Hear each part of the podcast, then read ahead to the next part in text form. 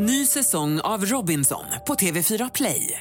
Hetta, storm, hunger. Det har hela tiden varit en kamp. Nu är det blod och tårar. Fan händer just nu. Det. är Detta är inte okej. Robinson 2024, nu fucking kör vi! Streama söndag på TV4 Play. Big Six presenteras i samarbete med ComeOn. Nu med helt ny sportsbook.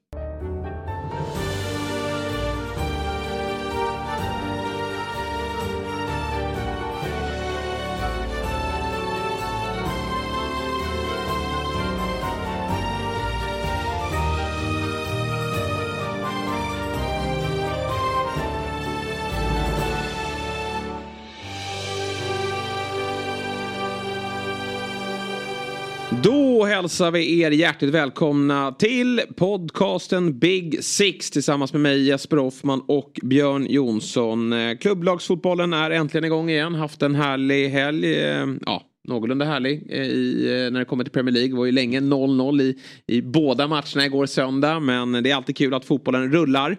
Och sen så har vi ju Europa framför oss den här veckan också. Så att eh, full fart med engelsk fotboll. Så är det. Det har varit en, en väldigt rolig omgång. Det var ju eh, Chelseas match var den första mållösa matchen den här i, i Premier League. Är det den så? här säsongen.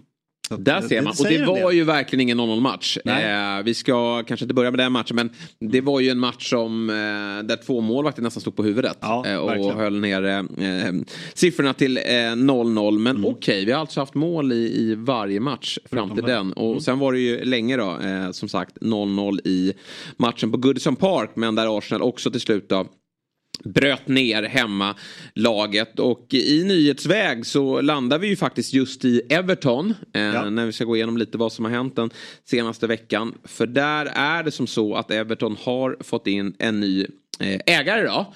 Och det är väl på, ett, på sätt och vis välkommet då för, för Everton som klubb med tanke då på att eh, Farhad Moshiri, tidigare ägaren, har ju varit hårt kritiserad.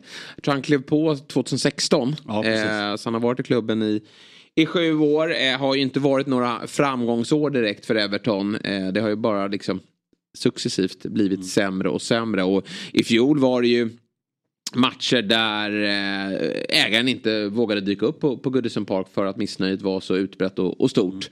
Eh, och nu kommer då en ny ägare eh, in och det är 777 Partners. Det är en sjua för mycket känner jag. Ja, exakt. Eh, man är- tror alltid att man säger fyra stycken sju Ja. när man säger det. Stökigt. Men, Ja. men amerikansk fond va?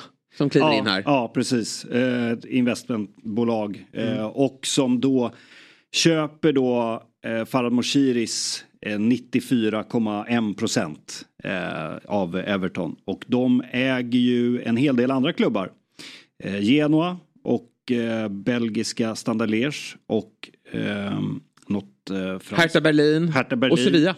Och Sevilla och sen äger de något franskt lag som, eh, tror jag också. Men, eh, och det är lite olika i, Genoa och Standard Liège äger de 100% i och eh, Sevilla är ganska lite.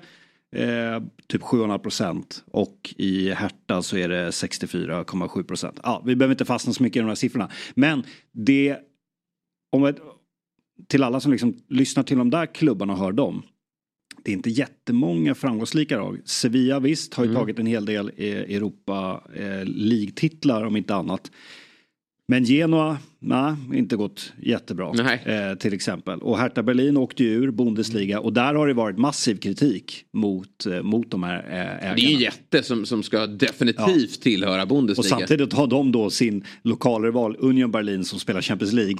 Eh, där supporten har varit med och byggt arenan och sådär. Så att, nej, eh, det är inte generellt sett en jättepopulär eh, ägare. Men de har, alltså de går ändå in och äger väldigt mycket klubbar. Eh, investerar ändå en del men de får inte med sig så mycket resultat. Så att man undrar lite så här vad, vad är själva businessen här? Vad, vad är det ni ska tjäna pengar på? Hur mycket pengar har ni? För att ni tar ganska mycket risk här och det blir inte så mycket utav det. Så att eh, vi får väl, får väl se. Men ska man säga till Farad Farhad Moshiri så alltså det har varit som du var inne på en ägare som eller de flesta Everton-supporterna har varit extremt missnöjda med. Men sen 2016 så har han ändå värvat 73 spelare och spenderat 10,3 miljarder. Så han har ju spenderat men det har inte blivit något bra. För som du Nej. säger tabellplaceringarna har ju successivt bara blivit sämre och sämre och sämre. Och förra säsongen så höll de ju på att eh, åka ur. Och den här starten är ju en, talar ju för att de, de kommer få slåss för överlevnad igen. Sen har de ju ändå, nu har de ju Sean Dyche som, alltså tidigare hade de ju Frank Lampard och där var ju, tyckte jag var lite svårt att veta men vilket typ av spel ska ni spela? Ska ni vara offensiva? Ska ni vara defensiva? Ska ni vara tråkiga? Ska ni försöka spela längs eh, marken? Här vet vi ändå vad vi får och för Sean Dyche handlar ju bara om att liksom, eh, hålla tätt och sen hoppas på att kontra in en boll. Mm. Och det kanske, kanske faktiskt kan vara deras räddning. Men vi får väl se då. Det ska ju en ny arena som kommer. Ja. Får se om det blir en Premier League-arena eller en Championship-arena. Mm. Men, och vi får se om de investerar, eh, investerar mycket. För att tittar man på den här truppen nu. Everton är ju en klassisk klubb, en kanske inte storklubb men medelstor klubb. Och har kunnat Historiskt sett en ganska stor klubb. Om du ser maratontabell ja, så ligger ju Everton högt upp. Sen har de ju inte varit så framgångsrika i Premier League-eran. Eh, det finns ju några toppplatser. Det var ju under Moyes. Sen har det ju mm. känts som att det har varit slogs om stadig kurva neråt. Typ ja. men, men jag tänker att de har ändå haft ganska det var inte så länge sedan de hade Carlo Ancelotti som tränare. Mm. De har kunnat attrahera stora namn. Men tittar du på truppen nu och spelarna nu.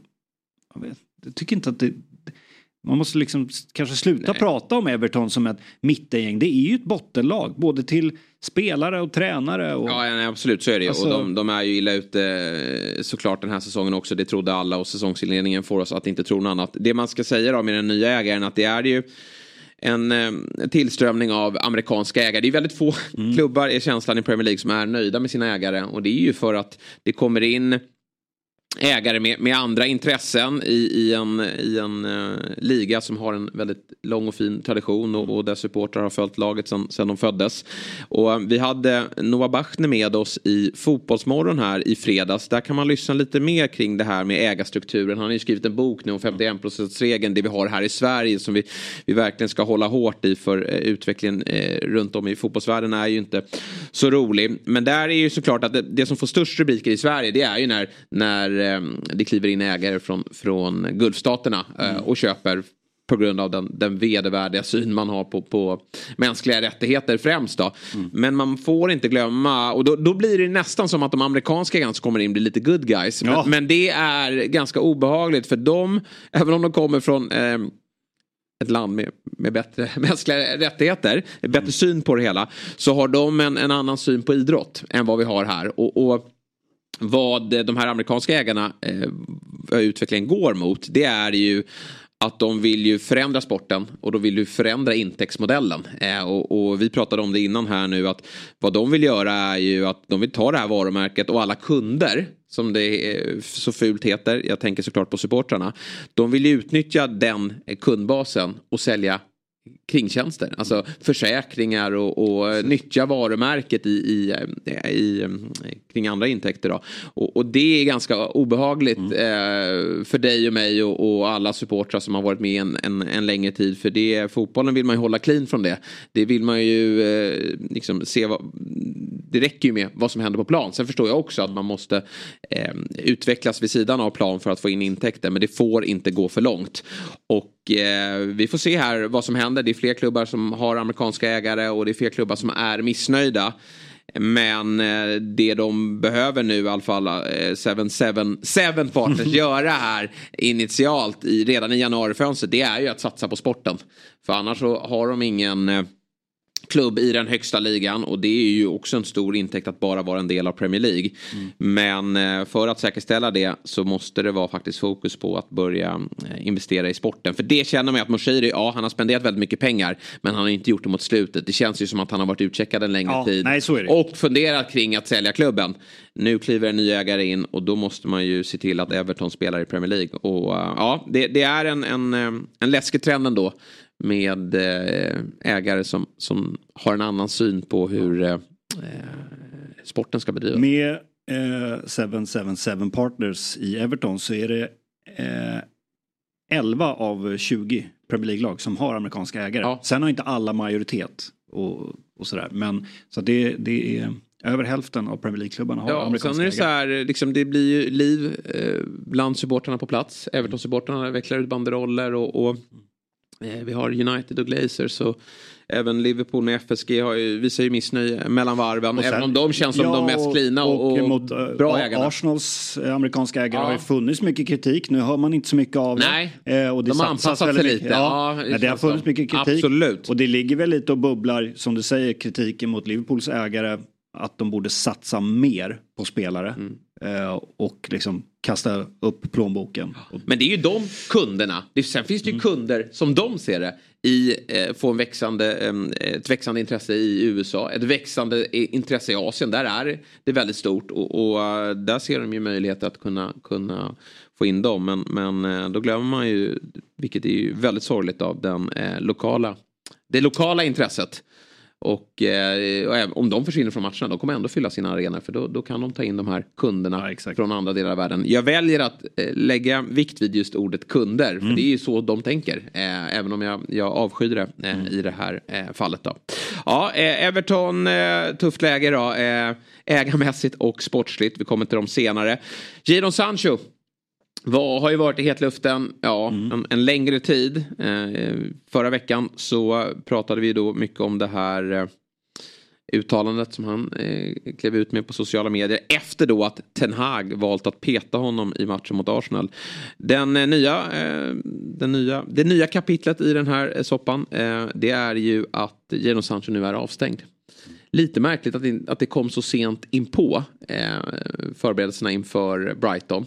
Men det är klart, det var ju landslagsuppehåll och, och de har väl funderat lite i United-led. Ja, de hade väl något möte i början på förra veckan och det verkar ju inte ha gått jättebra då. Nej. Eftersom avstängningen kom efter det. Ja, men precis. Det ska väl varit uppgifter om att Jadon Sancho inte har velat be om ursäkt. Han har ju raderat den där tweeten när han sa att han, han i princip skrev ju att Ten Hag snackar skit. Mm. Eh, det handlar inte om kvalitet på träningen, det handlar om något annat. Och enligt rapporterna så ska ju då minst, det minsta han ska ha gjort, eller det de har krävt att Jadon Sancho ska ha gjort är att be om ursäkt. Men det ska han inte velat göra. Sen vet vi ju inte allt som har sagts och sådär. Nej. Man ska väl ta de här, vissa uppgifter med en nypa salt. då. Och det är alltså den tredje höger ytten, högeranfallaren. Mm. Som inom loppet av ett och ett halvt år blir avstängd. Vi börjar med Mason Greenwood. Kändes ganska rimligt att han blev avstängd måste jag Ja. eh, lägga till. Eh, sen tar man in Anthony för en miljard. Det känns ganska rimligt att han är avstängd nu också med tanke på Mm. vad han är anklagad för. Då. Eh, och nu då, Jadon Sancho som absolut inte har sysslat med, med det vet vi inte om, om Anthony Nej, det är olika heller. Men, typer eh, av men det är olika typer av fall. Men nu har Jadon Sancho inte skött sig internt då och han blir eh, avstängd och det känns ju som att United är, är med Ten Hag i spetsen. Tror du han spelar, honom. tror han spelar något mer för United? Nej, my- mycket tveksam. Det är väl en januarilösning som, som eh, är på väg. Jag förstår dock inte, det kanske man har, men varför man inte har jobbat hårdare med att bli av med honom här i, i, eh, i eh, augusti, eh, juli-augusti. Att man, för att även om det här är liksom ytterligare ett steg på eh, i, i eh, misskötsel från Sanchos sida så har man ju ändå haft en känsla av att han har ingen stigande kurva eh, formmässigt. Och att man då fortfarande har möjlighet att kunna kräma ut någonting från en europeisk klubb eller eh, Saudi som alltid finns där. Även om då Sancho kanske har större ambitioner eh, i, i den europeiska fotbollen fortfarande. Då. Men det här är ju bara en, en fortsatt stor röra för Manchester United. Det, frågan är hur, hur mycket mer den här klubben orkar eh, när det kommer till strul vid sidan av planen. Ja, det är, det är ganska många exempel, olika typer av exempel på spelare med vad det verkar bristande eh, eh, typ av liksom karaktär. Mm. För vi har ju också, om vi går tillbaka, vi har Ronaldo. Ronaldo Mm. vi har Paul Pogba. Ja. Och det är mycket upp till spelarna själva också. Jag med, och det är kanske inte så mycket Ten Hags fel att det är han som hamnar i bråk med de här spelarna. Men vi vet ju Mourinho var ju, var ju helt galen på Pogba. Ja. Eh, och vi har ju sett, och vi, vi har sett Pogbas eh, hur det har gått fortsatt nu. Nu är han ju liksom åkt dit för doping. Så att eh, jag menar det- det är ju någonting med de här karaktärerna som de har tagit in i klubben och där är Samtidigt vet man ju att det är spelare, Paul Pogba gick jättebra i Juventus, Jadon Sancho gick jättebra i Dortmund. Ja. Det fanns ju uppgifter om att Jadon Sancho Anthony hade... gick väldigt bra i Ajax. Precis. Men Jadon Sancho, det fanns ju upp- uppgifter om att han hade attitydsproblem i Dortmund också. Att spelarna, de andra lagkamraterna hade lite svårt för honom i vissa lägen. Men det är ju någonting med miljön eh, i Manchester United. Eh, och som gör att det är liksom vem är det som bestämmer? Det, det är att alla kan vara lite hur, hur de vill här. Är det, är det, liksom en, är det dagis? Mm. Det här? Att vem, du kan bete dig så hur du vill. Du, kan, du, du, du byggs upp som en gud och du kan bete dig som en gud. Och ja. det, det, det, är jaget före laget. För det är så det har varit på många av de här spelarna. Eh, och jag förstår ju att eh, Ten Hag här sitter ju liksom i en riktig skitsits och måste hantera alla de här spelarna. Samtidigt har ju han varit med eh, när, eh, alltså många av spelarna som är inne nu har ju till exempel Anthony, det är ju, han, var, han, var ju, han plockade ju honom. Så att en del spelare får ju han ta på sig också. Men man kan ju ändå undra lite om över hur eh, dels styrningen med hela klubben och eh, hur scoutingen går till när man ändå värvar på i de här summorna. För många av de här vi pratar om det är miljardvärvningar. Ja. Nej, det är så otroligt rörigt för United och när man trodde att de var på väg åt rätt håll och lyckades lösa det här ändå enorma problemet. För det ska man ju, alltså när Ronaldo inte skötte sig eh, så, så pratar vi om en av världens bästa spelare genom tiderna. Och det, det blir klart att det blir ju större rubriker. Nu pratar vi om spelare som inte har varit i närheten av att ha uppnått lika mycket. Men när man, fick lö liksom, när man löste det så snyggt som Ten Hag gjorde och dessutom fick sportslig framgång därefter. Så kände man att nu är det dags för nästa steg. Att ta de här eh, stegen och närma sig Manchester City och kanske börja vinna riktiga titlar snart. Men så får man den här käftsmällen samtidigt då. Och det hänger såklart ihop att laget presterar så otroligt svagt ute på, på plan. Eh, ny förlust här i helgen då mot Brighton. Så det, det är ett jobbigt läge eh, för, för hela klubben och Ten Hag. Och Ja, det känns ändå som att man har kommit så pass långt att nu sitter man inte och pekar på någon tränare i form av Ten Hag utan alla förstår ju att en, en fisk ruttnar från huvudet och att det, det, är högre upp som man har de här eh, problemen. Och att det, man orkar snart inte längre bara sitta och peka, ah, men ta bort den där tränaren, ta in en ny. Mm. För det måste bli ordning eh, högre upp innan, innan eh, United eh, kan börja liksom eh, rikta problemen mot, mot sin eh, holländska tränare. Mm. Eh, nej precis, jag, jag, min bild är att tränaren är väl det sista problemet. Ja, i United jag tycker också det. Även om jag har en hel del eh, kängor att eh, eh, skicka ja. på honom också. Eh, men jag, det, jag, det... jag, tror inte, jag tror inte på Ten Hag och det har jag nog aldrig gjort. Jag, tror inte på Ten Hag som vi kommer prata om att det kommer vara en av de största tränarna under tio år framöver. Det tror jag inte. Men han är ju en eh, helt klart kompetent tränare och jag tror att han liksom han klarar ju av United. Vi ska ändå ta med oss att han tog United, de vann en ligacuptitel. Visst man kan skratta lite åt ligacuptiteln men backar bandet för Newcastle och för United som inte hade vunnit titlar på ett tag var den där finalen mm. enormt viktig. Eh, och han tog dem till Champions League. Mm. Det är ändå liksom, det är ganska bra jobbat ändå. Eh, så han har ändå bevisat något tycker jag. Mm. Men jag tror inte det, är, alltså jag, jag håller nog pepp på till exempel Arteta och Klopp högre. Mm. Så. Men, men det är en bra tränare. Men det är såklart, det finns ju en del kritik som ska riktas mot honom också. Men, Absolut. Han har ju lite, det är många fått, lager i, i United. Han har ju fått lite för stor makt. Och jag förstår att det blir så i en klubb som har gått så dåligt så länge och haft så problem med just rekryteringar.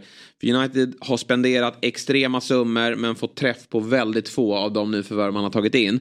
Och då har man gjort det under en längre tid. Får in en, en tränare som man eh, ja, men som är het och, och som man handplockar från Ajax.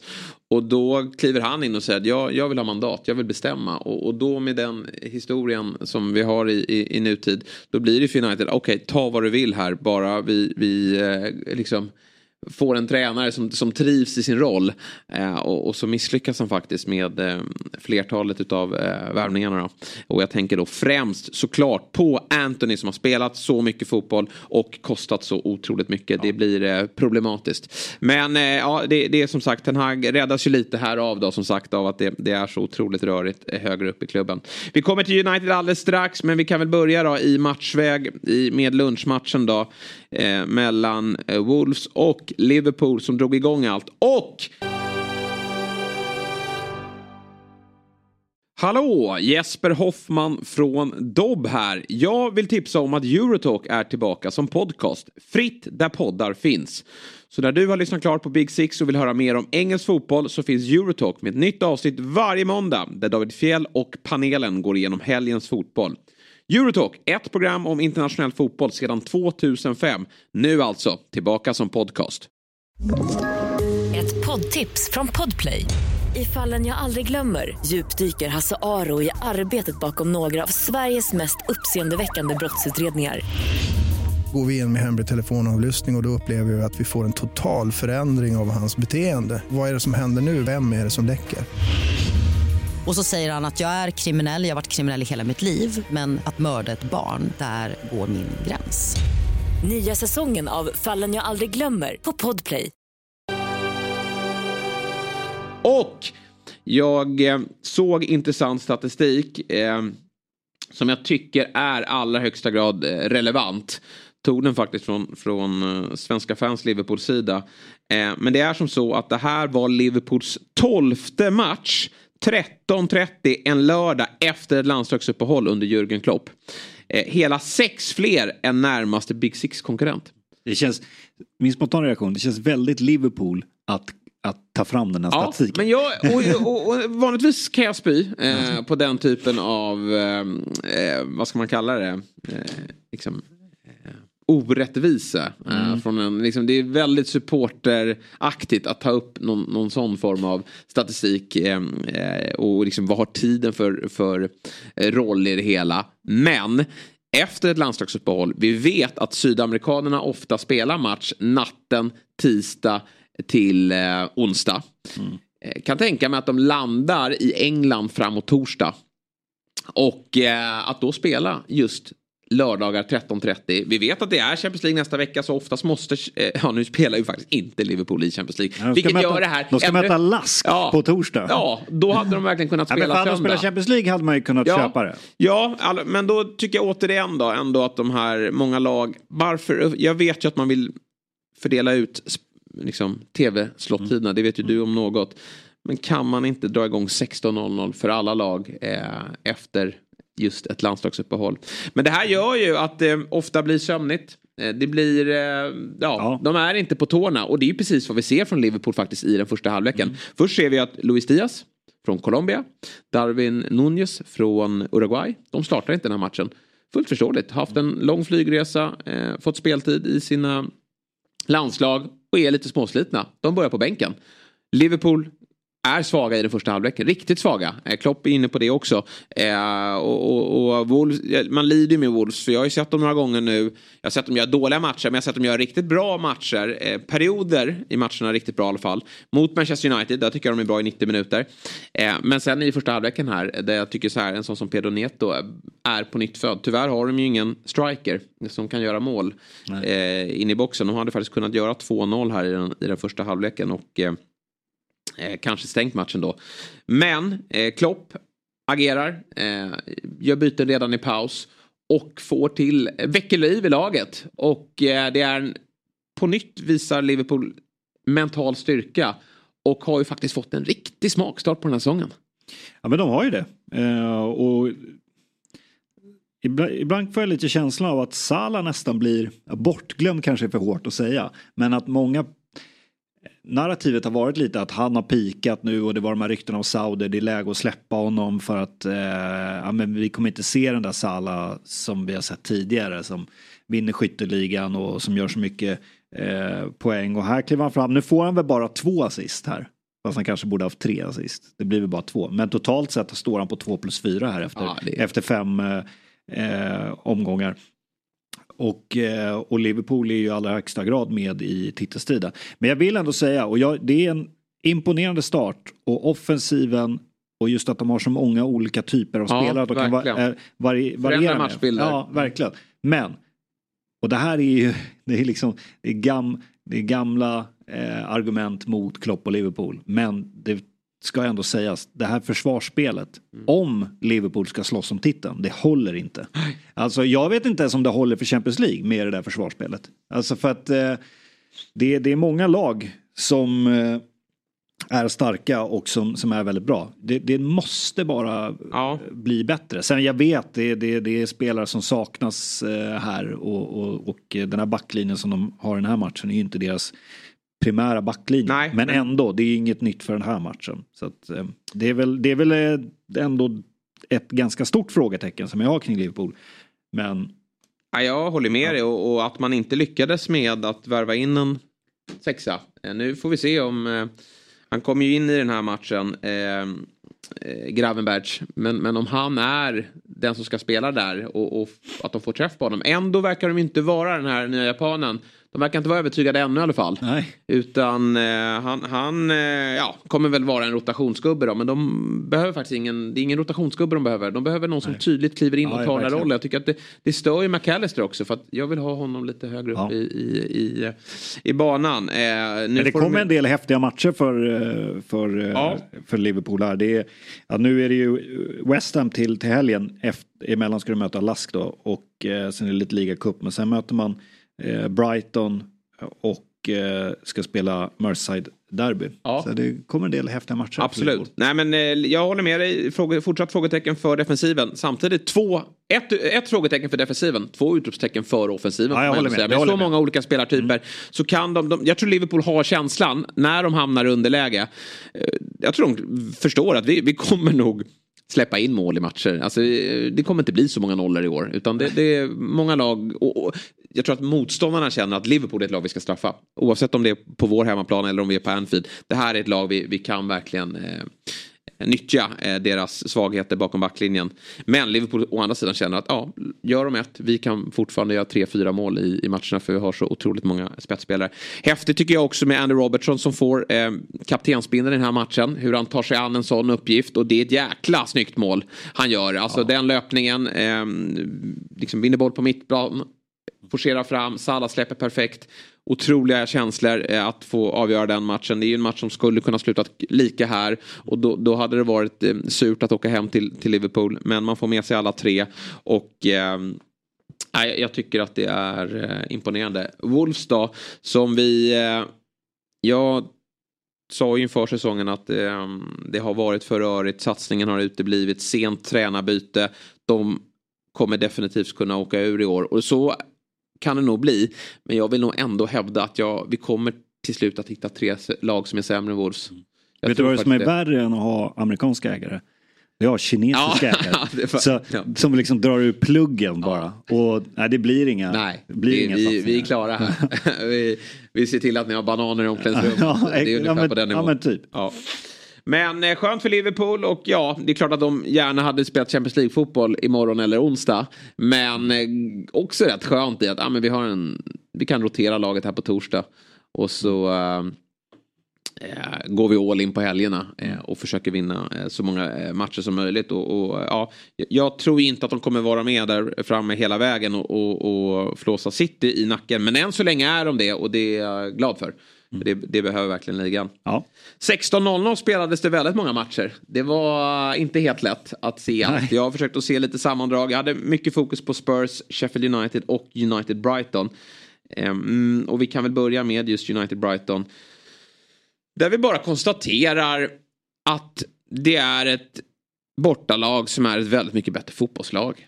Det, det är ju så. Eh, och att de vinner fullt logiskt den här matchen. Många sa det innan att United kommer, att Brighton, de kommer åka till Trafford och vinna. Och det blev precis så man förväntat sig. Ja, och jag tycker det här, det här är, om vi ändå ska ta lite Brighton här nu. Ehm, jag vill hävda att Brighton kan slå alla. Det, det finns ett lag som är tufft för alla. Om vi pratar om de här topplagen, Liverpool, Arsenal till exempel, som vi ändå tror kan vara de här lagen väl som kan slåss om titeln. Kanske Tottenham också. Men om vi tittar på de lagen så tror jag att när de går till match så tänker man att ja, men, eh, den här matchen vinner Arsenal, den här matchen vinner Liverpool. De kan, de kan slå alla lag. Det är väl det är City borta, City hemma som man ändå känner att nej, det, det här är City favoriter. Men annars är det de. Jag tänker samma kring Brighton inför varje match nu.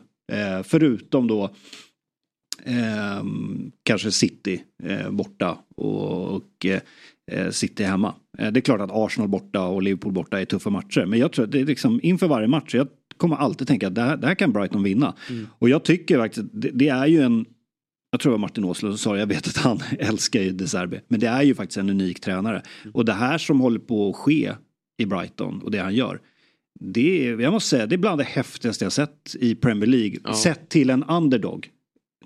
Och då, jag vet, Leicester. Det är ju det absolut häftigaste. Mm. Ja, det är det. Men det här är, jag säger det, det här är Ja, bland ja, det häftigaste. I För en att- fotboll där det bara återigen då trycks in mer pengar, där giganterna blir bättre Mm. och där, där klyftorna ökar.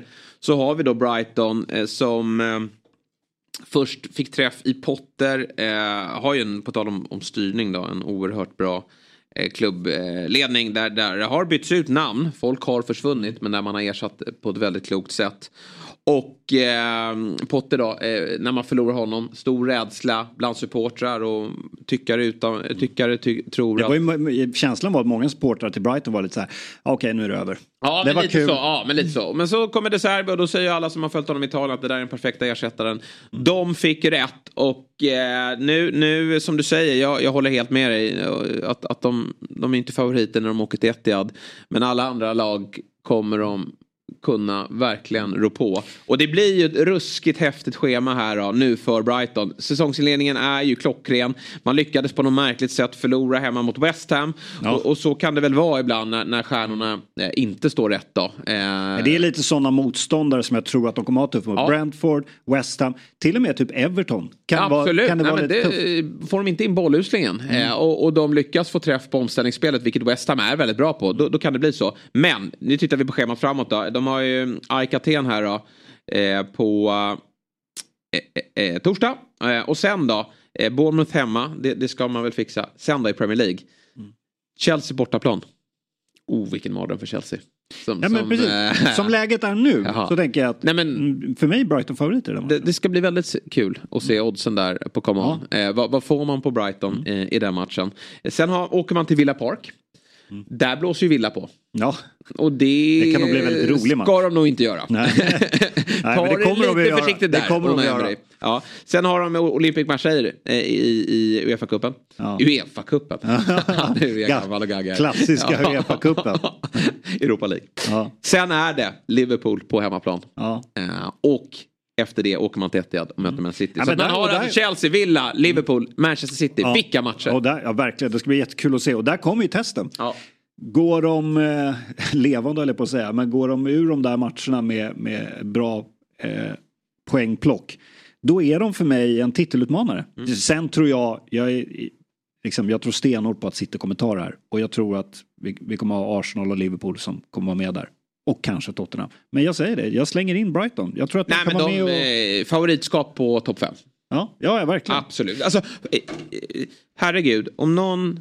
Du, du får frågan här nu. Vilka kommer högst upp av United och Brighton? Mm, nej, det är Nej, men det är, ju, det är bara en idiot, det är bara en supporter eh, eller en idiot för, till United som kan svara United i det fallet. Hur ska det där hemmalaget kunna hamna före bortalaget? Det går inte över 38 matcher. Mm. Nej. Det är helt omöjligt.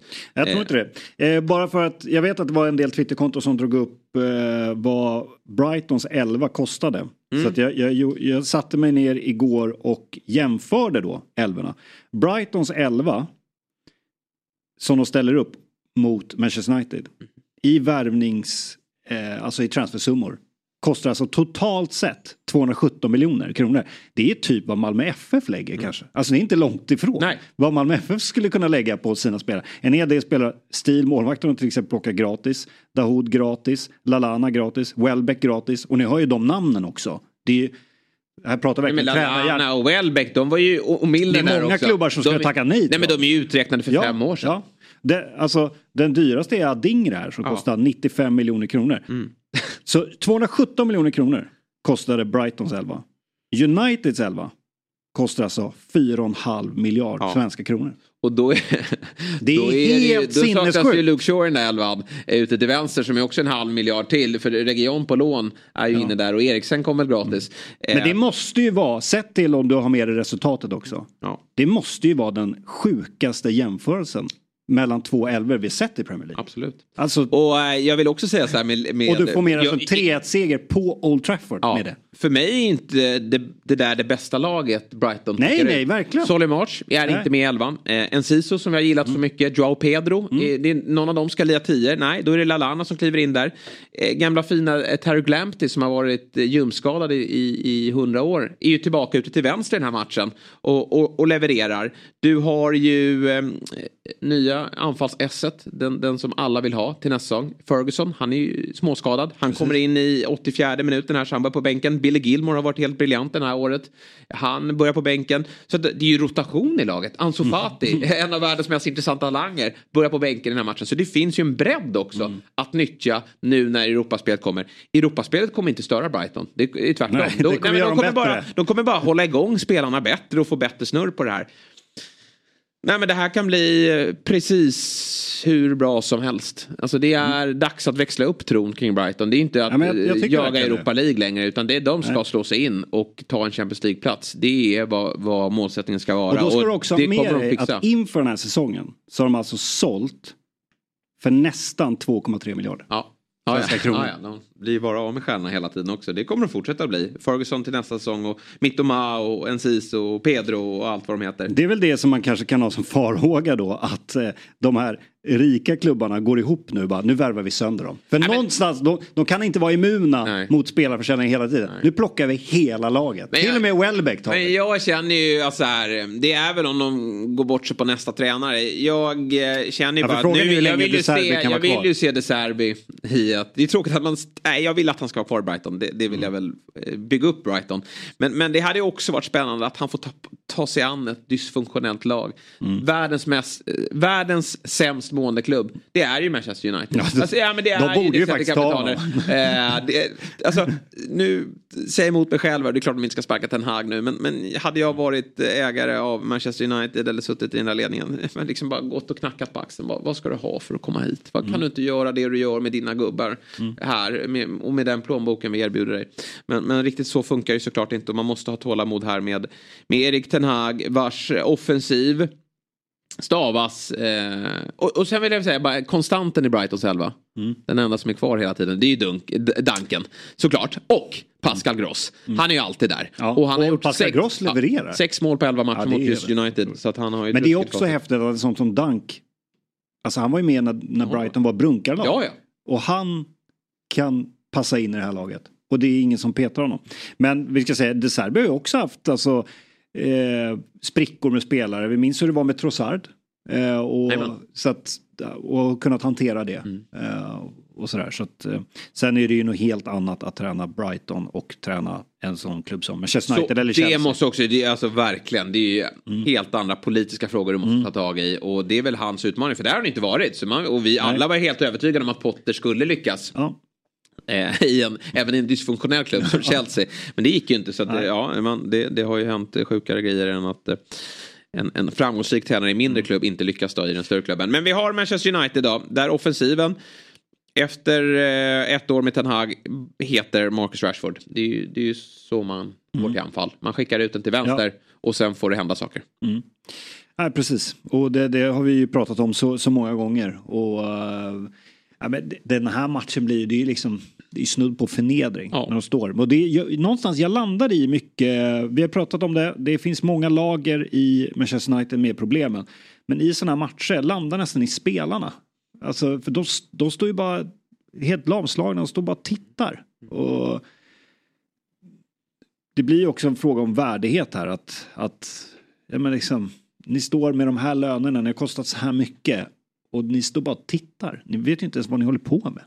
Uh, och, men det är klart, det ska också lastas en del kritik mot Ten Hag. Det är ändå han som ja, är ytterst ansvarig. Det blir ju eh, så. Och för Uniteds del då, Bayern München i veckan då.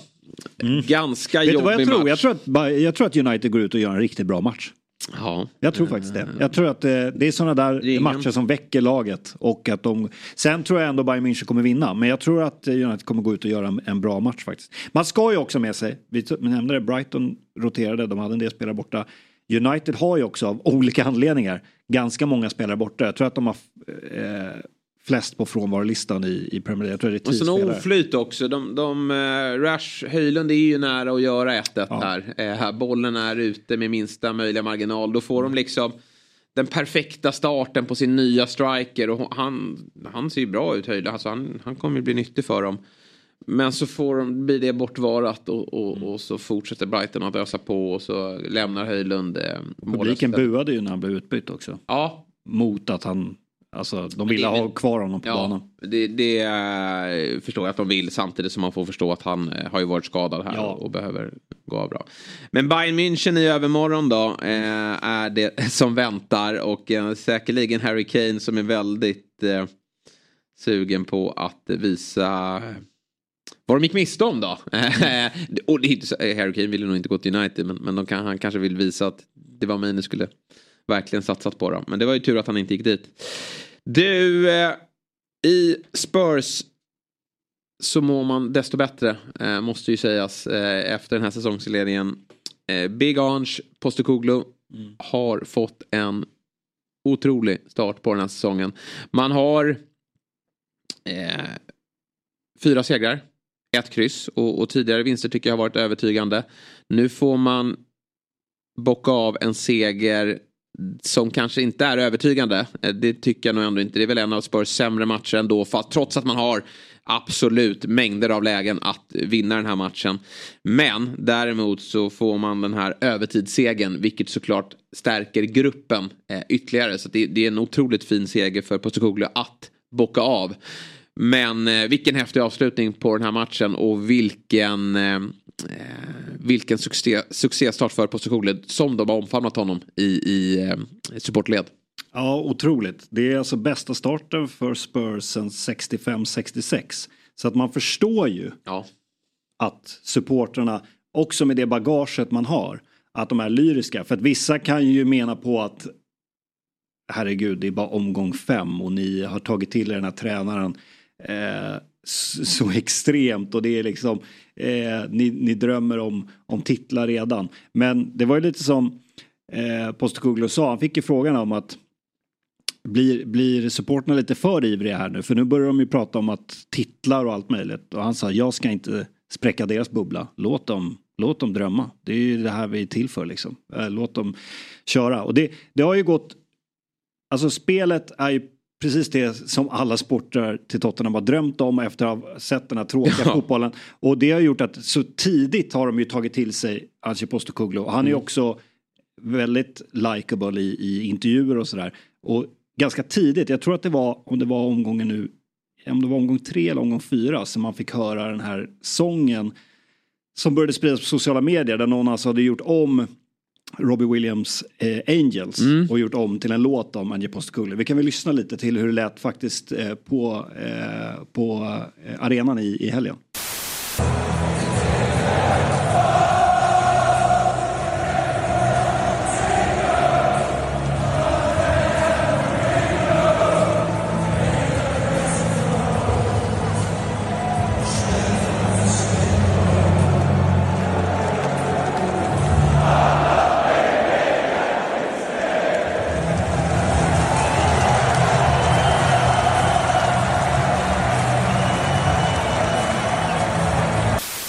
Det säger någonting om eh, var Tottenham kommer ifrån och hur eh, omtyckt den här tränaren är.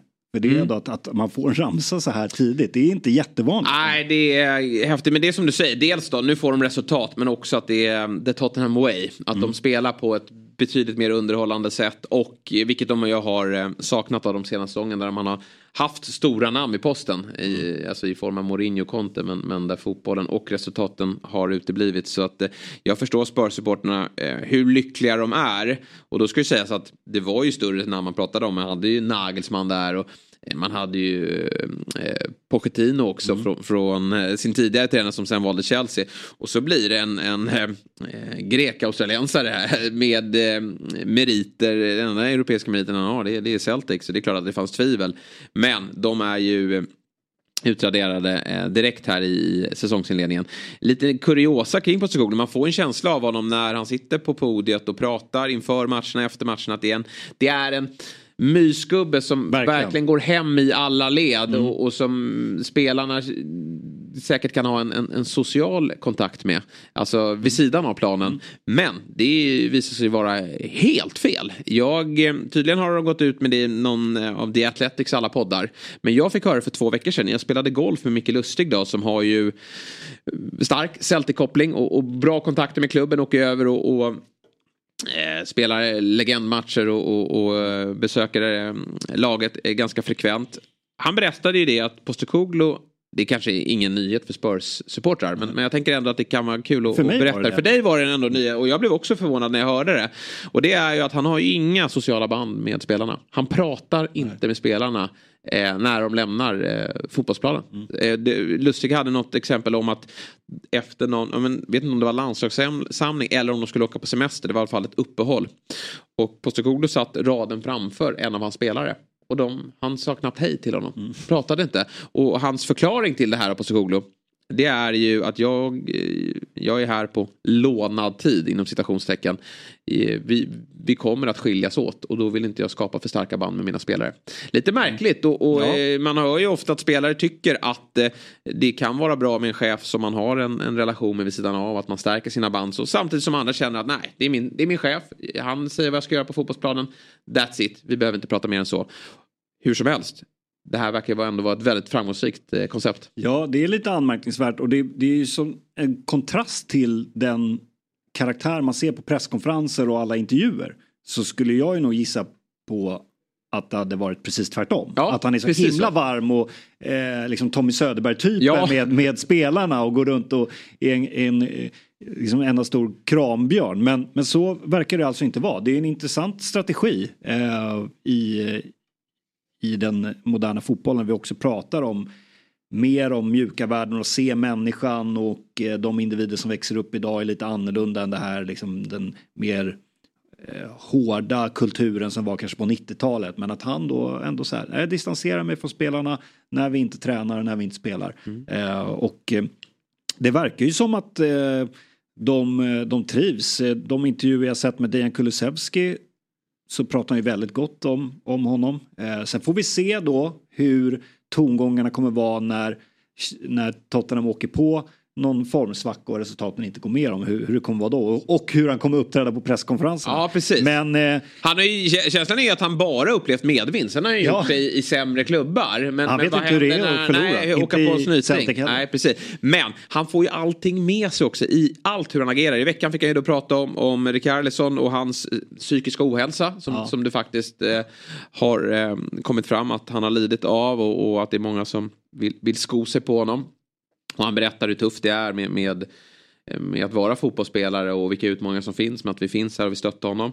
Eh, I den här matchen då så startar ju Rikardisson på bänken precis som han gjorde mot Burnley. Det var inga konstigheter i det. Han har varit iväg med landslaget så att han börjar på, och han har inte varit så bra och då får han väl kliva åt sidan då. I, eh, ja det är väl någonstans runt den 75 minuten så, så väljer han att plocka av storstjärnan, kaptenen Son. Eh, och eh, om inte det bytet eh, faller väl ut då hade man ju kanske fått kritik i att varför tar du in Absolut. den där eh, isbiten för. Eh, direkt från fiskpinnarna. Han har ju inte gjort någon glad och han mår inget bra. Och Son, det är vår stora stjärna. Eh, Hur många mål har inte han gjort genom åren? Men Son hade ju varit väldigt kall. Eh, Rikardisson kommer in. Ja, och resten är någon form av historia. Perisic kommer in, slår inlägget som Rikardisson nickar in. Och sen eh, framspelaren då, Dejan Kulusevski, vår eh, älskade svensk här då. Som får stå för ett otroligt viktigt mål inför hemmapubliken. Och, och eh, glädjescenerna, de, de är ju helt fantastiska från den här matchen. Jag tyckte ju dock att Kulusevski var ganska svag i den här matchen innan. Fick väldigt mycket boll och han, jag- förstår verkligen att han trivs under Posicoglu. till skillnad från tidigare. Han var inte alls lika involverad och det var bara att försöka söka Kane in i straffområdet. Här är han ju med i alla former av eh, uppspel och de söker honom väldigt mycket ute till höger. Men han var lite trög och han gick på skott när han skulle släppa och, och det var svaga skott och han har ju inte det här självklara inlägget nu heller till Kane när det inte finns någon tydlig nia där. Son är lite annorlunda. Mm. Men det viktiga har vi sagt att det handlar för Kulusevskis del att göra poäng. Och då att få förtroendet att vara kvar hela matchen. För Son var svagare. Kulusevski betydligt mer inblandad. Sen, sen tyckte jag att han slarvade då. Eh, Men att han då får avgöra, gör s- säsongens andra mål, blir matchhjälte. Äh, det, det stärker hans aktier något oerhört. Ja, verkligen. Häftigt att han får vara bli den här ma- matchvinnaren. Det är väl det lite man har saknat. Eh, Ja. och framförallt från förra säsongen, men då var ju nästan alla dåliga. Men att få vara den här tungan på vågen. Och speciellt att komma från den hemska landslagssamlingen som har varit också. Ja, det kan inte vara jättekul. Nej. Och sen, men Dejan var ju Han var ju bra där. Ja, det var han verkligen. Och han, var väldigt kritisk efter matchen. Han var ju lite sådär tudelad. Ja, jättekul och man blir, det är ju euforisk stämning när, vi, när jag får avgöra. Men vi gjorde, alltså fram till 90 minuten så gör vi en dålig match. Och att han var väldigt frustrerad och det var nog mot sig själv och mot laget. Mm. Men eh, kul att få se dig igen som, som matchvinnare eh, i, i en sån här match. Och eh, North London Derby väntar ju på söndag. Ja, häftig Arsenal, match Tottenham. på alla sätt och vis eh, måste jag säga. Arsenal är ju bra liksom och, och Spurs mår väldigt bra för för dagen. Och eh, ja, de är nog, känslan är att de är verkligen är redo att mm, ta sig an det här eh, derbyt.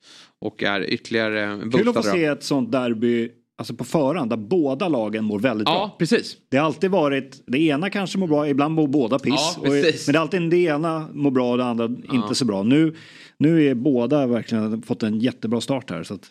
Ja, och förlorande lag kommer ju tappa lite mark där. Så mm. det är viktigt att få med sig minst en. Ja, kanske att det, det blir så faktiskt.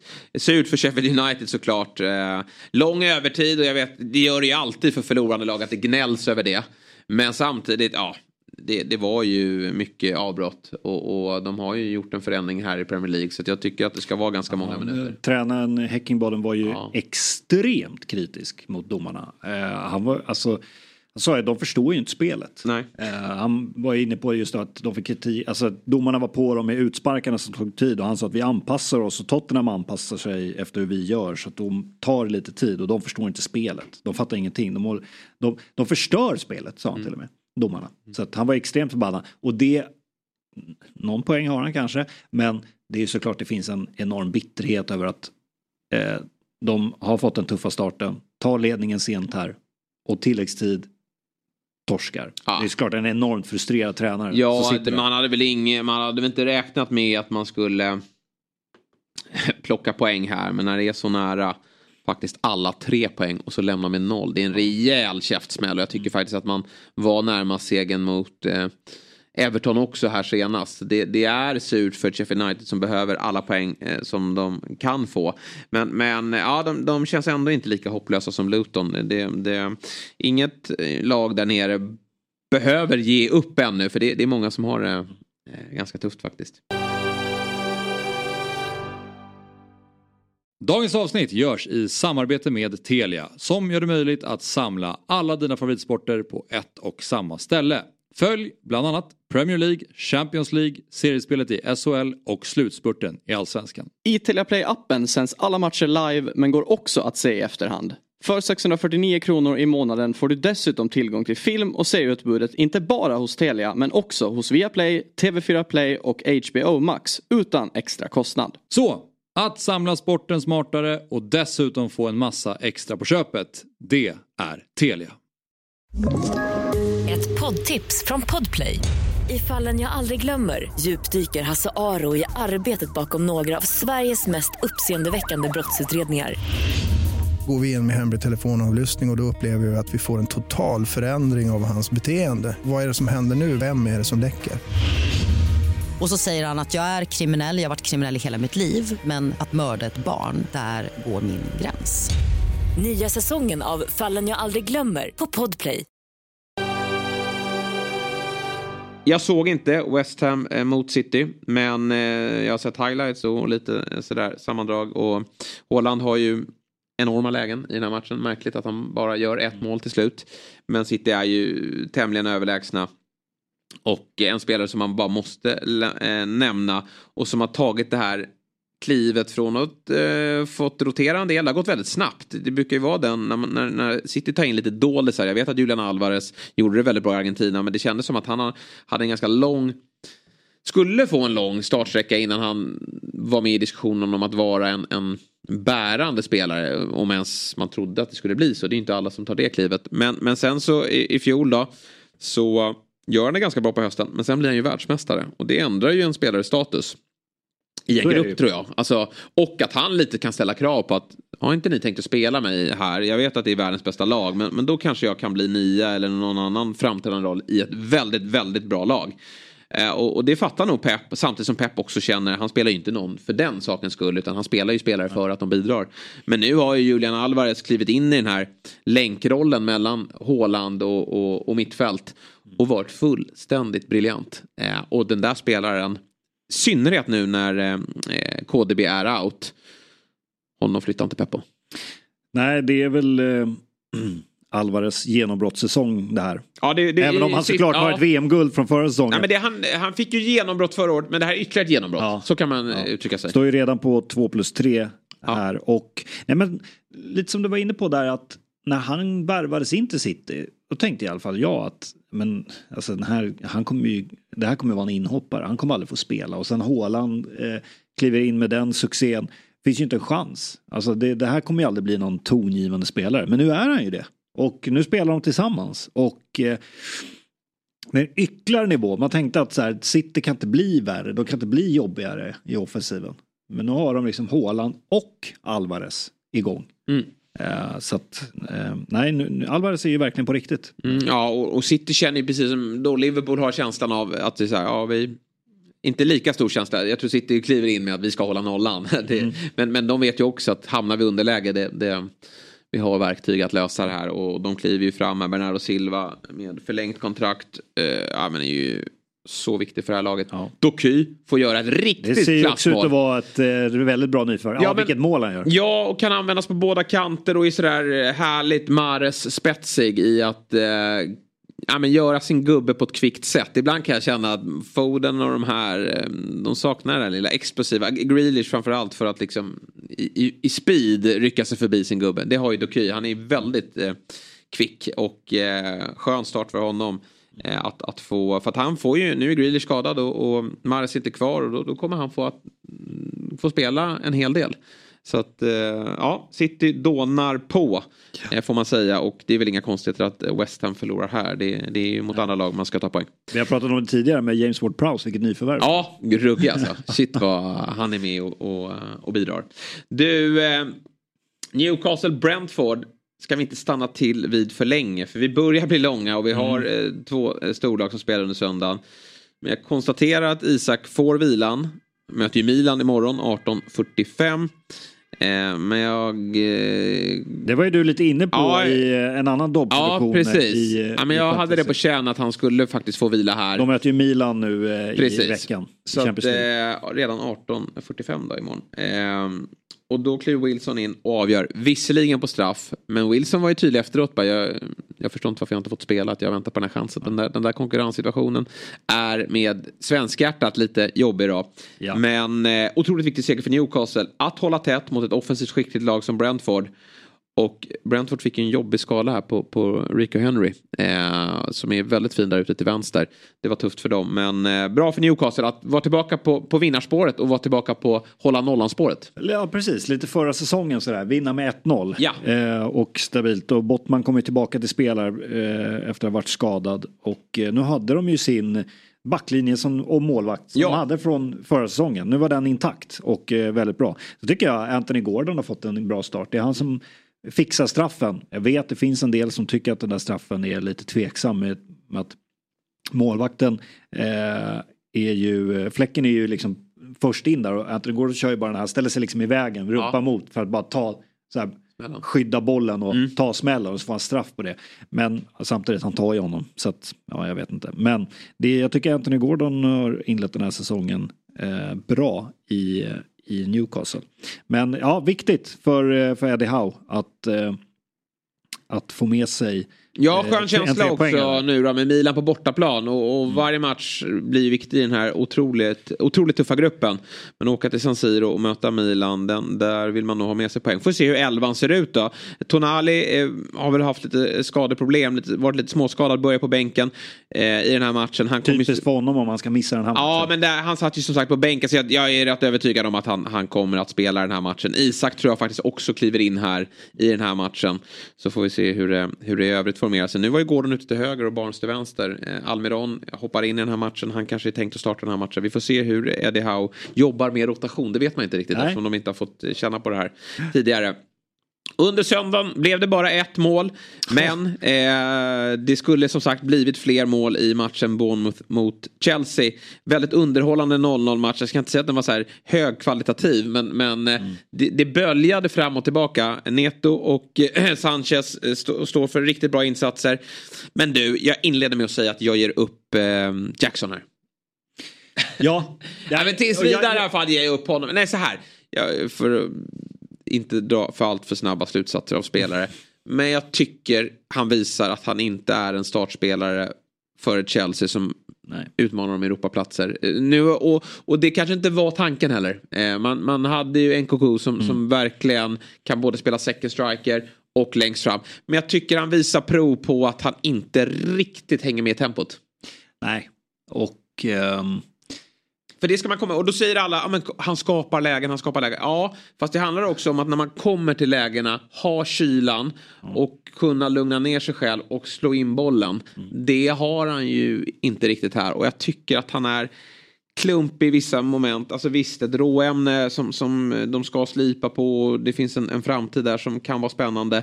Men här och nu är, lider Chelsea av att de inte har bättre nia. Så, så vill jag i alla fall uttrycka mig. Pochettino har ju sagt att han tror att det kan bli en uh, världsklassanfallare. Ja, men men jag är, lite, jag är med i det där. Jag, jag, jag börjar faktiskt tappa tron på honom. Ja. Eh, han har varit väldigt nyttig i spelet.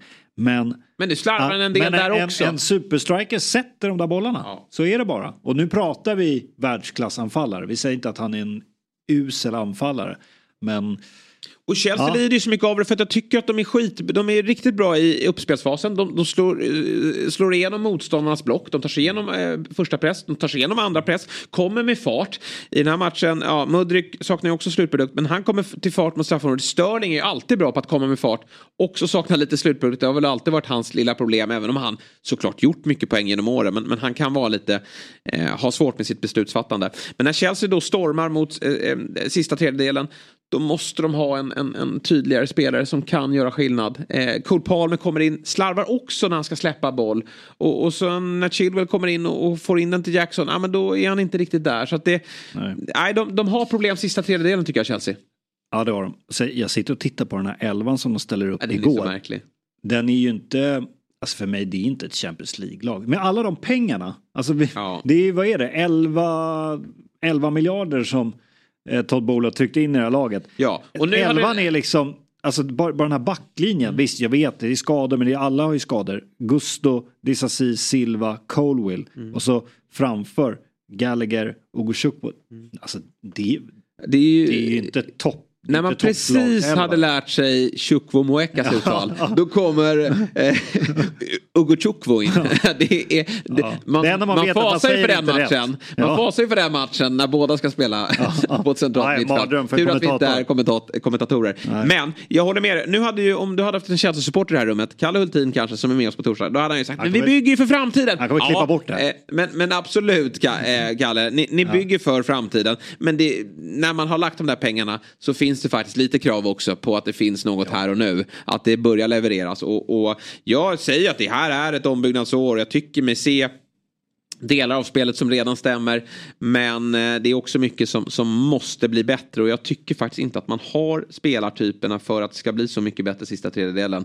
Det är ju, eh, jag tyckte om Chukwuemeka och han, han var ju spetsig. Han hade de faktiskt verkligen behövt i den här nummer 10-rollen. Men eh, de behöver eh, få tillbaka NKK. De kanske behöver få tillbaka eh, Broja. Eh, Minns du honom ens? Eh, Albanen som, Ja. som drog korsbandet eh, förra året. Och sen också Reece James här då, ute till höger. Eh, Skadelistan är enorm eh, och på så sätt så är väl kryss ingen katastrof. Jag tycker Bournemouth visar upp kvaliteter. Jag tror att de har ju fått en jobbig start den här säsongen. Är ju i allra högsta grad eh, där nere.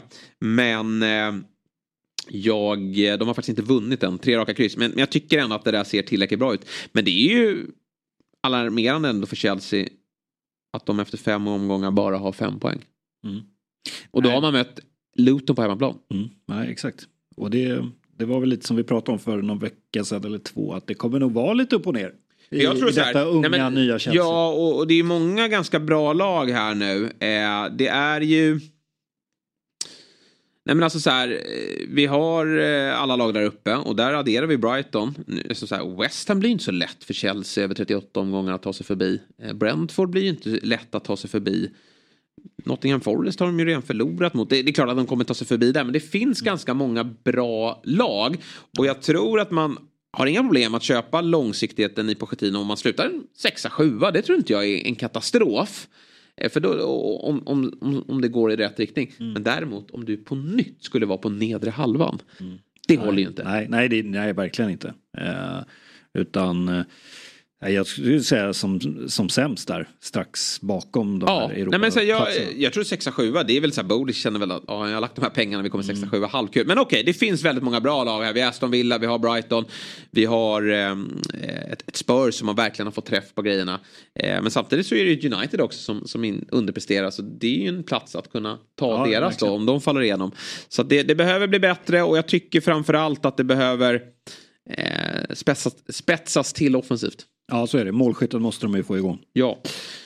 Men eh, ett lag som fick till slut in bollen då. Det var ju Arsenal eh, på Goodison Park. Man, man satt faktiskt bara och väntade på det till slut. Det var ju, Everton fick ju matchen lite dit man ville i första med, med eh, alltså Everton som lag. Vilket deppigt lag det är. Jag alltså, de, de ställer sin backlinje där och så jobbar vi hårt. Till Goodson Ja. Park och de vet att så här. Ja, alltså bara titta på det här. Jag tittar ju bara för att jag måste. Ja, ja. Eh, Det är bara för att det, det är mitt lag. Jag måste bara vara här och stötta. Eh, Men det, alltså bara se det där eh, spelet. Men, men det, det, var, det har ju faktiskt varit en mardrömsarena för Arsenal. Arsenal har inte Ja, vunnit för- på Goodson Park sedan de hade Wenger. Alltså. Det är det, är rätt sjukt. Ja. Sen 2017. Men, och det var ju kanske inte... Everton kan ju ändå vara merchandise sätt att spela fotboll. Det, det är en motståndare som kan vara lite jobbig att montera ner och Absolut. nöta sönder.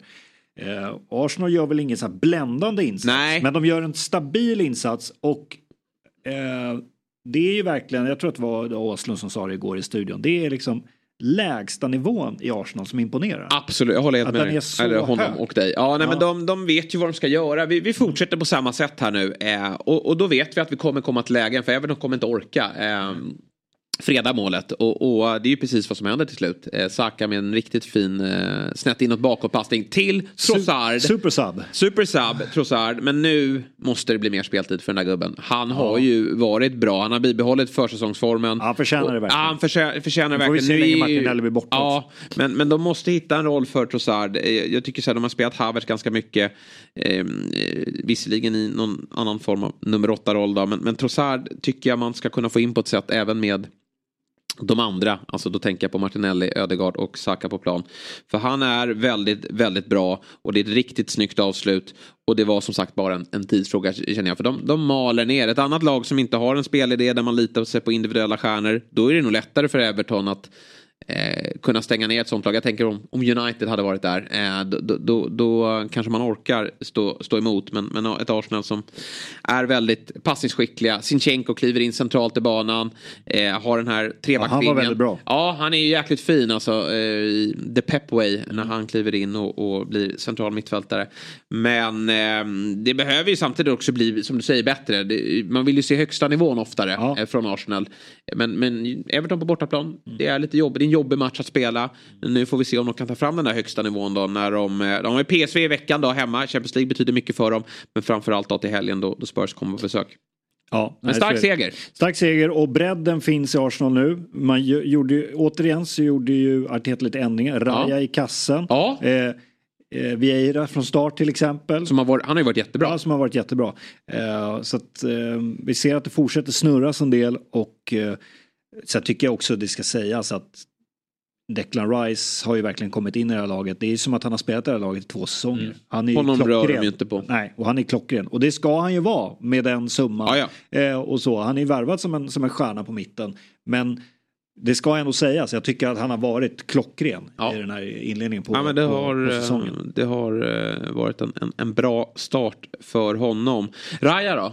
Eh, Tar han den här platsen nu eller? Det här är ju, vad händer med gruppen? Med Ramsdale som jag har sagt så här, mitt öga har varit att den där gubben si- sitter kvar i Arsenal kommande tio år. Det är nya David Simon Ja, här. Ja, men de har sin landslags, kommande landslagsmålvakt. När, när Southgate lämnar så lämnar ju Pickford.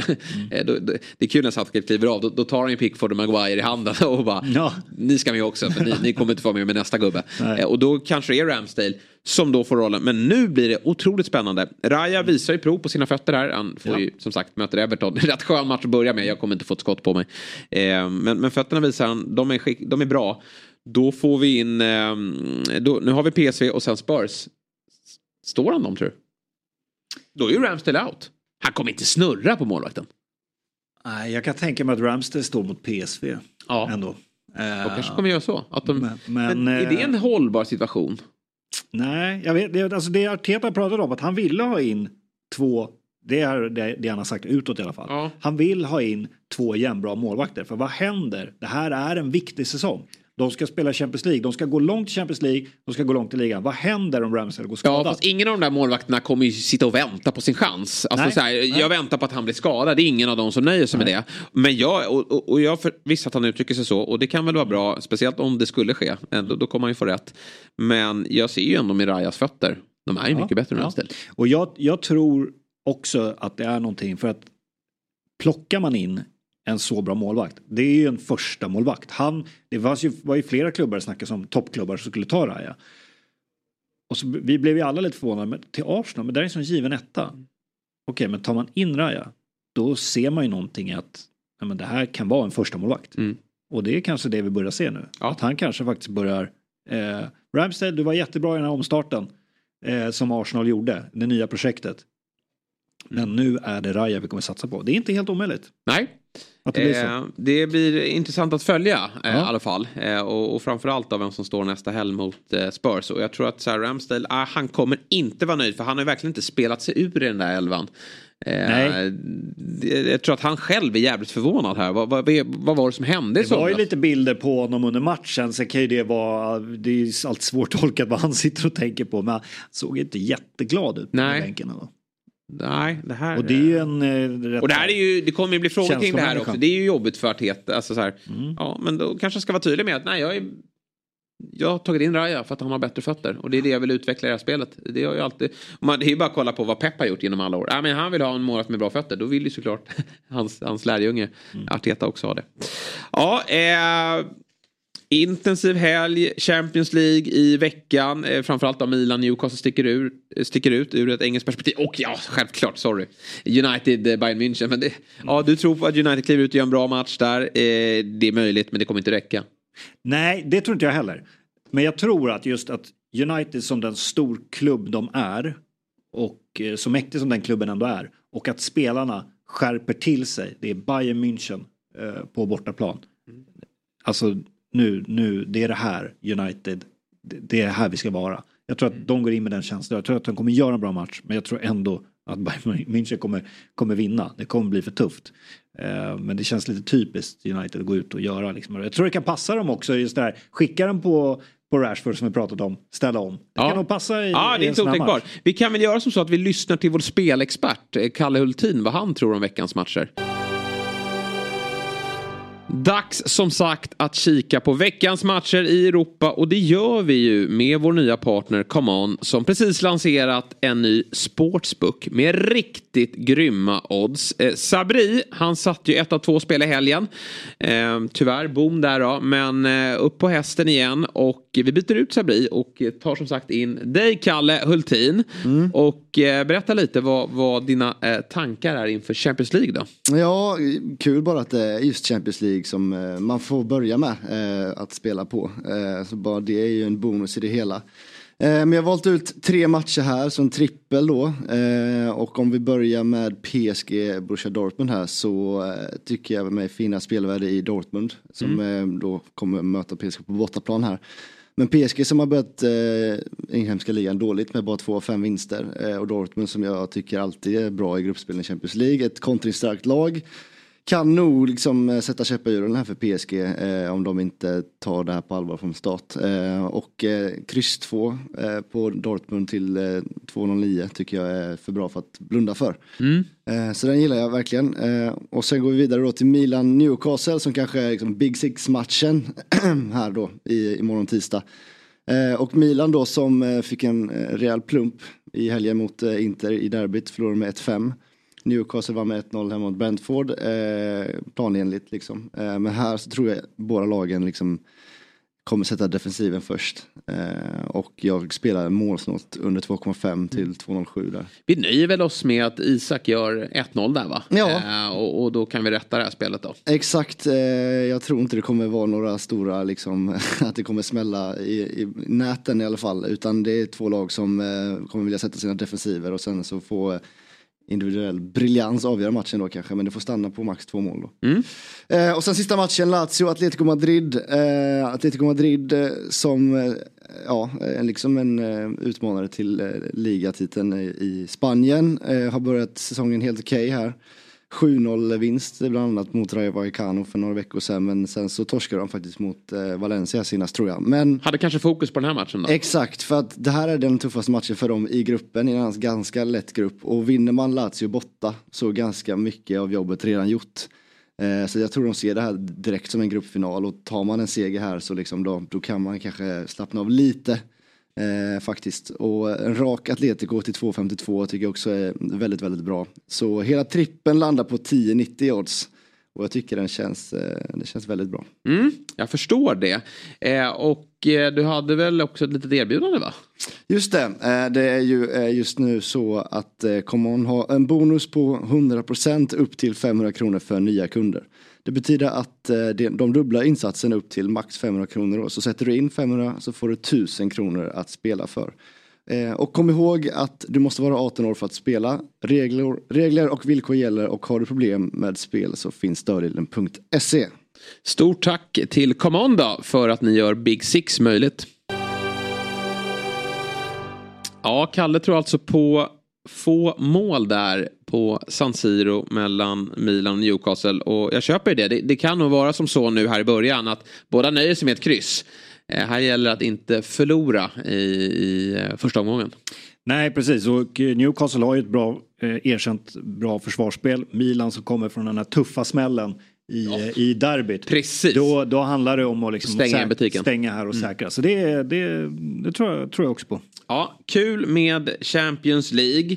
Vi kommer ju, eller våra kära supportrar som jobbar på torsdagar med Mm. Big Six. De kommer ju att ta ner omgången och, och snacka upp Premier League-omgången då. Mm. Som ju blir oerhört intressant då med framförallt då North London Derby. På söndag. Ja, har du några initiala tankar om den matchen? Arsenal knappa favoriter va? Ja, Får man Nej, väl jag, ändå säga. jag, jag, jag tycker jag ser någonting i Arsenal nu. Att de, de kommer nog ja, Mm. stämma i bäcken här. Ehm, jag, tror faktiskt att eh, Arsenal vinner den Ja, matchen. det blir ruggigt häftigt. Men den blir jäkligt ball. Jobbigt för mig dock, den är samtidigt som, och för dig, Ja. eh, samtidigt som AIK och Djurgården. Ja men den skiter jag i. Alltså, den, den, den förstår du väl att jag inte kommer kolla på. Nej, det... är för mycket ångest. Nej, jag, jag ska faktiskt dit. Ja, att, jo, det ska eh, jag med, men jag kommer inte kolla. nej, okej, nej, nej, okej, nej. jag sitter med, med eh, Du och jag får mötas i korridoren och kurras. och samtidigt Ja, verkligen. kolla verkligen. på, Nej, det, kolla den, på får inte, den får du inte ta upp på måndag. Nej. Eh, bra, eh, vi säger väl så Björn, att Ja. vi tackar för idag och vi snackar upp eh, eller vi snackar ner Champions League och snackar upp helgen på torsdag med Big Six. Tack för att ni har lyssnat. Vi hörs om några dagar igen.